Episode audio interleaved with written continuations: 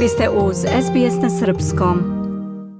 Prema statistikama Državne institucije za zdravstvo i dobrobit stanovništva, svaka šesta žena u Australiji, svaki 16. muškarac su tokom života izloženi oblikom nasilja od strane trenutnog ili bivšeg partnera. Više od 2 miliona australijanaca prijavilo je da su tokom svog odrastanja bili prisutni svađi u kojim je teško povređena majka. 17 od 100 žena u Australiji smatraju sebe žrtvama fizičkog ili seksualnog nasilja, 33 od 100 prijavile su da su psihički ili financijski maltretirane. Zabrinjavajuće statistike, međutim, ne pokazuju pravu sliku, jer kako se navodi veliki procenat incidenata se u stvari i ne prijavi policiji ili institutu koji vodi evidenciju o tome.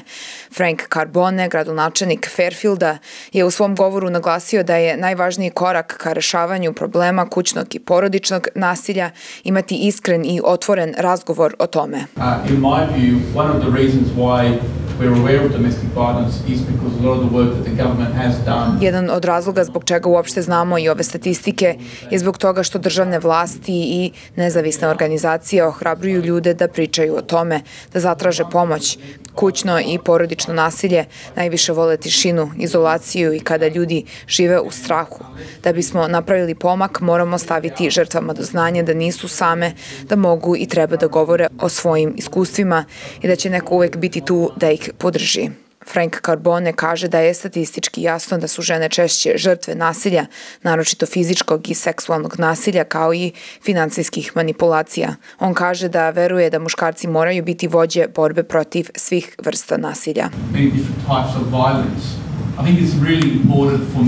Ima raznih oblika nasilja, ali mislim da je veoma bitno da muškarci pokažu vođstvo u ovoj oblasti. Bitno je da muškarci pokažu ženama da postoji veliki broj muškaraca koji apsolutno ne podržava nasilno ponašanje i koji će podržati žrtve.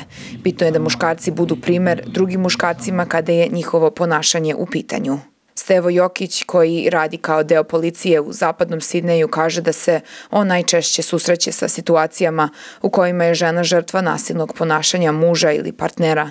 On kaže da je porodično nasilje najveći problem sa kojim se susreću zajednice u okrugu lokalne vlasti Fairfield i naglašava da su problemi isti u svim etničkim grupama, čak i među srpskim porodicama. Probably uh,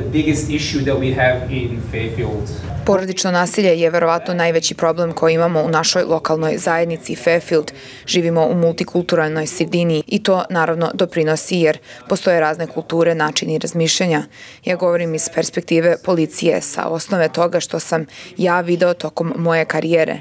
Srpska zajednica se bori sa istim problemima kada je nasilje u pitanju. Biljana Milošević, direktor porodičnog centra Dženavi, kaže da ne postoji kulturološka, religiozna ili etička razlika u nasilnom ponašanju individualnih ljudi. I think it's important to note that it's just domestic violence. So when you work with all... Mislim da je vrlo bitno istaći da je nasilje samo nasilje. Ja radim sa raznim zajednicama, kulturama, religijama i problemi su isti.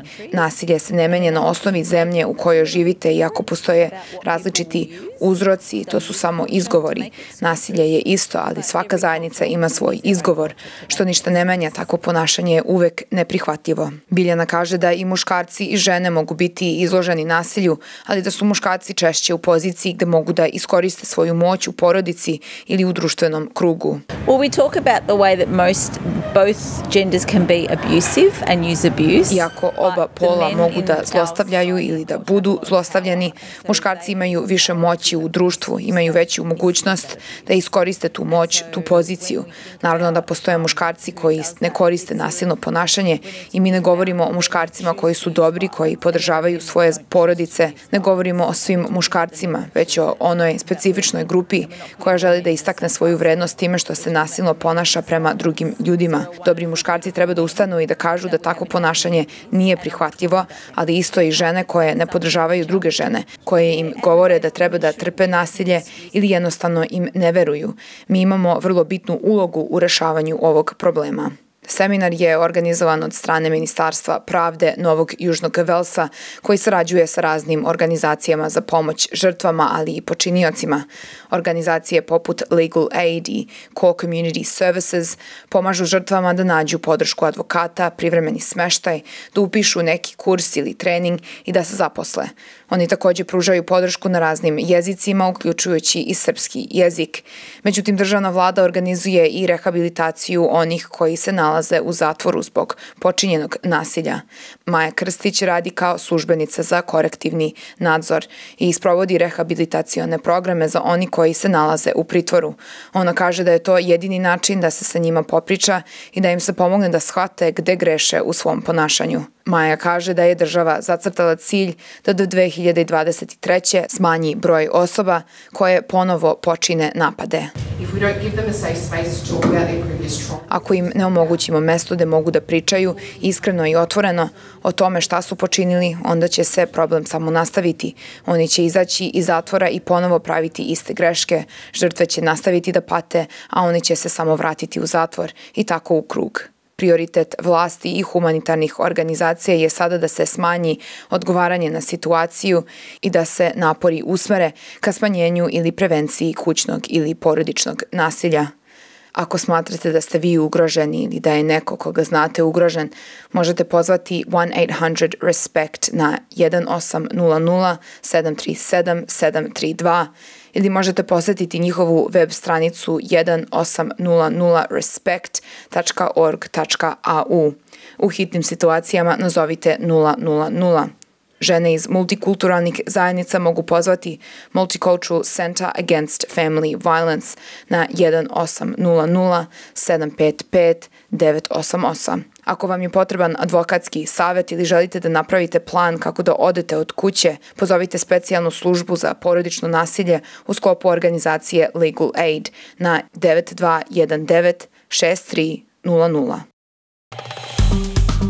Dajte like, podelite, komentarišite, pratite SBS Serbian Facebook profil.